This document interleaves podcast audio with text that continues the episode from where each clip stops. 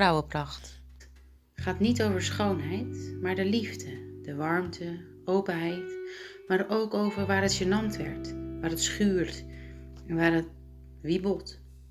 Over hoe het leven echt is. Dingen die we vaak niet benoemen uit schaamte, onderwerpen die we vermijden en dingen waarmee we het leven juist niet per se mooier lijkt, maar wel is. Je luistert naar aflevering 3 van Vrouwenpracht. Het gaat over borstvoeden. Hoe mooi ik het vind, hoe onzeker het me maakt en hoe het voor verbinding zorgt. Borstvoeden maakt zoveel los, zoveel gevoelens. En die, die wil ik met jou delen. Al voordat ik zwanger was, had ik een beeld in mijn hoofd. Ik zag mezelf in een bloemetjesjurk met een dikke buik in een bloemenveld met een kindje al drinkend aan mijn borst. Aanleggen en gaan. Ik was dus vastberaden om borstvoeding te geven. Hoe dat moest of wat er precies voor nodig was, dat maakte me eigenlijk niet zoveel uit. Ik wilde het gewoon zo graag. Ik beviel in een ziekenhuis waar de verpleegkundige ook meteen lactatiekundige is en waar ik meteen na de bevalling geholpen werd bij het aanleggen en het kolven om de borstvoeding op gang te brengen. Heel fijn, maar ik merkte ook meteen dat dat sterke gevoel op losse schroeven kwam te staan. Ik werd ineens heel onzeker. Dat gevoel dat ik zo vastberaden was om die borstvoeding te geven, die vervaagde door de onzekerheid. Toen we na twee dagen thuis kwamen uit het ziekenhuis, na zoals ik je al eerder vertelde, een nogal turbulente bevalling, kreeg ons kleine meisje een huilbui. Vanaf dat we thuis waren, huilde ze en ze had ook ineens hoge koorts.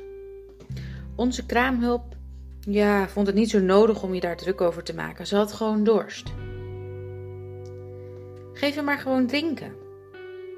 Maar wat ik ook deed, hoe ik ook van alles probeerde, ze stopte niet met huilen. Het was ook niet gewoon huilen, mama ik ben moe of mama ik heb een vieze luier. Nee, ze was echt overstuur. Ik hoor mezelf nog zeggen: Hallo, ik ben haar moeder. Het gaat niet goed met haar. Ik voel het. Waarom luisteren jullie nou niet? Ik besloot het ziekenhuis te bellen, maar daar, ja, daar was ik ontslagen en zij konden me eigenlijk niet meer helpen.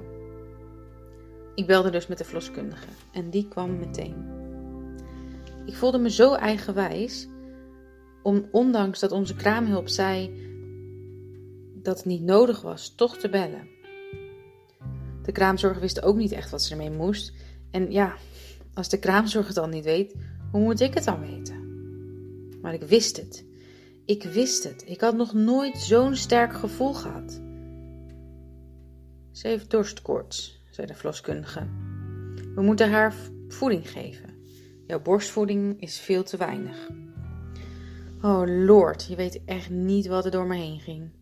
Ik voelde me een slechte moeder. Al dagen had ze dus misschien wel te weinig voeding gehad. Wat zou die kleine meid dan niet van me denken? Had ze dan al dagen honger? Het was pas drie dagen na haar geboorte, maar ik voelde me zo gefaald. Ik voelde ook dat dit gevoel me niet ging helpen.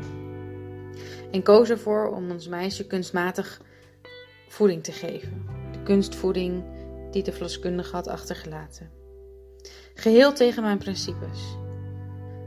Maar haar verdriet die voelde ik enorm in alle vezels van mijn lichaam. Na die flesvoeding sliep ons meisje de hele middag en de avond heerlijk. Ze was tevreden. Ineens zag ik dat beeld weer voor me. Mezelf in een bloemetjesjurk en borstvoedend. Dat gaf me kracht. Ik vond dat zo'n mooi, fijn en liefdevol beeld. De dagen erop bleef ik borstvoeden en kolven en de kunstvoeding geven. En er kwam een lactatiekundige die me vertelde dat ik zoveel mogelijk als mogelijk met mijn meisje moest doorbrengen in bed. Huid op huid contact. En dat deden we al veel, maar nu deed ik het de hele dag. Ik genoot ervan. En hoe meer ik ervan genoot en hoe meer ik ontspande, hoe meer borstvoeding er kwam. Ik kolfde en gaf voeding en na drie dagen kon ik de kunstvoeding aan de kant schuiven. Ze kreeg genoeg. voelde me zo trots. Mijn productie bleef hoog en onze vriezer liep vol. Ik besloot het te delen met de dikke buikenbende, zoals we de zwangerschap-app hadden genoemd. We hebben superveel moedermelk, dus ja, mocht je willen, schreef ik in een berichtje. Niemand reageerde. Ik dacht, misschien is het wel een veel te wilde gedachte. Maar toen ineens vertelde een van de dames dat de borstvoeding moeilijk op gang kwam. Ja, en wel gebruik wilde maken van mijn aanbod. Kom maar halen, zei ik. En toen ze op de fiets met de diepvriestas aankwam, voelde ik ineens hoe mooi dit was. Ik werd teruggeworpen in de tijd. Hoe het moet zijn om te zeggen: Ik kan het niet zelf. Ik neem jouw melk. Ik voelde hoe knap en hoe, kwetsbaar het was om te moeten voelen: ik, ik wil mijn kindje voeden met goede melk. En ik zal daar alles voor doen. Ik gaf haar de gekolfde, nog diep gevroren melk mee en voelde een vlaag van trots. Bijzonder en dankbaar, zo voelde het. Zij nam mijn voeding en fietste weg. Toen ik later een appje van haar kreeg om te vertellen hoe goed haar kindje had geslapen en hoe ze tevreden ze daarvan werd, werd ik echt super blij. Ik zag aan haar hoe het niet op gang komen van haar borstvoeding haar frustreerde. En nu gaf het haar ruimte en haar voeding kwam zelf op gang. Omdat ik nog steeds best veel over had, plaatste ik een oproep in een forum voor natuurlijk ouderschap, zodat mijn melk goed terecht zou komen. Ik kreeg een reactie. Mag ik het komen halen? vroeg een moeder. Het komt bij mij echt totaal niet op gang. Natuurlijk, was mijn antwoord. Maar een paar uur later kreeg ik een antwoord terug. Het idee dat er melk beschikbaar was voor haar kindje had haar borst eigenlijk spontaan aangezet en haar borstvoeding kwam ineens helemaal op gang. Ze had de melk niet meer nodig. Op van onze dochter krijg ik veel berichtjes van vriendinnen met foto's waarop ze voeden. Het werpt ze terug in de tijd, momenten waarop zij hun kinderen voeden. Ook spreek ik veel mensen over het voeden van je kind. Het onverwachts moeten stoppen in verband met kloven, het de hele tijd nat zijn tussen je borsten, omdat de kwel van je kind zich verspreidt, omdat je kind dorstig is.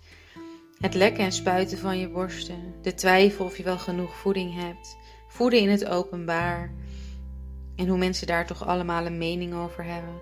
Ook krijg ik een berichtje van een vrouw die vertelt dat ze niet mag voeden van haar man, omdat ze ja, het idee heeft, of hij heeft het idee, dat hij dan geen gelijke kans heeft op een goede band met zijn kind. Ook krijg ik in mijn praktijk en op Instagram van de Vrouwenpracht daar vragen of opmerkingen over. Waarop mijn antwoord op al deze vragen en de vragen in mijn hoofd toch elke keer weer is: wat je ook doet, kies. Met je hart, met je hoofd en met alles wat er is. Inmiddels zijn we drie maanden later. De afgelopen dagen loopt mijn borstvoeding slecht en wil ons meisje niet zoveel van mij hebben. Ik heb pijn in mijn buik, pijn in mijn rug. En die pijn in mijn rug die lijken op de rugweeën die ik had tijdens mijn bevalling. Ongesteld. Ik ruik anders, ik smaak anders. Logische verklaring voor het gedrag van onze dochter, maar ik voel me er echt enorm verdrietig over. Ik voel me afgewezen. Het voelt zo naar. Terwijl ik, ja, goed, van alles met mijn hoofd kan bedenken, zegt mijn gevoel echt totaal iets anders. Toch blijf ik voeden en aanleggen. Want ik besloot voor de zwangerschap dat wat ik ook kies en wat ik ook doe, ik alles doe met liefde. Ook al draait ze haar hoofd om, tuft ze na drie teugen melk mijn tepel weer uit Oké, drie slokjes drinken is ook goed, lieverd. En dan geef ik haar met liefde de fles. Gelukkig drinkt onze dochter mijn gekolfde melk ook goed uit de fles bij papa. Daar ben ik dankbaar voor. Zo krijgt ze alles wat ze nodig heeft. En kies ik keer op keer weer voor de liefde. Met liefde kijk ik naar haar en naar mijn verdriet ook al is dat soms moeilijk. Tijdens het schrijven van deze podcast lig ik op bed, naakt. Met ons kleine meisje aan mijn grote, slappe, maar nog nooit zulke mooie borsten. Haar mondje om mijn tepel, haar oogjes wegdraaiend omdat ze bijna in slaap valt. Een gevoel van intens geluk schiet er door me heen. Wat voel ik me dankbaar dat ik haar mag voeden, kan voeden. Het is me zoveel waard. Ik voel ook de waarde die het heeft door alle gevoelens die er door me heen gaan, wanneer dat even niet lukt. Bijzonder toch, hè? Dat borstvoeden. Bedankt voor het luisteren naar Vrouwenpracht. Deze aflevering werd mede mogelijk gemaakt door mijn liefdevolle man en de vrouw van de zwangerschapsclub. Tot de volgende keer, mooie vrouw.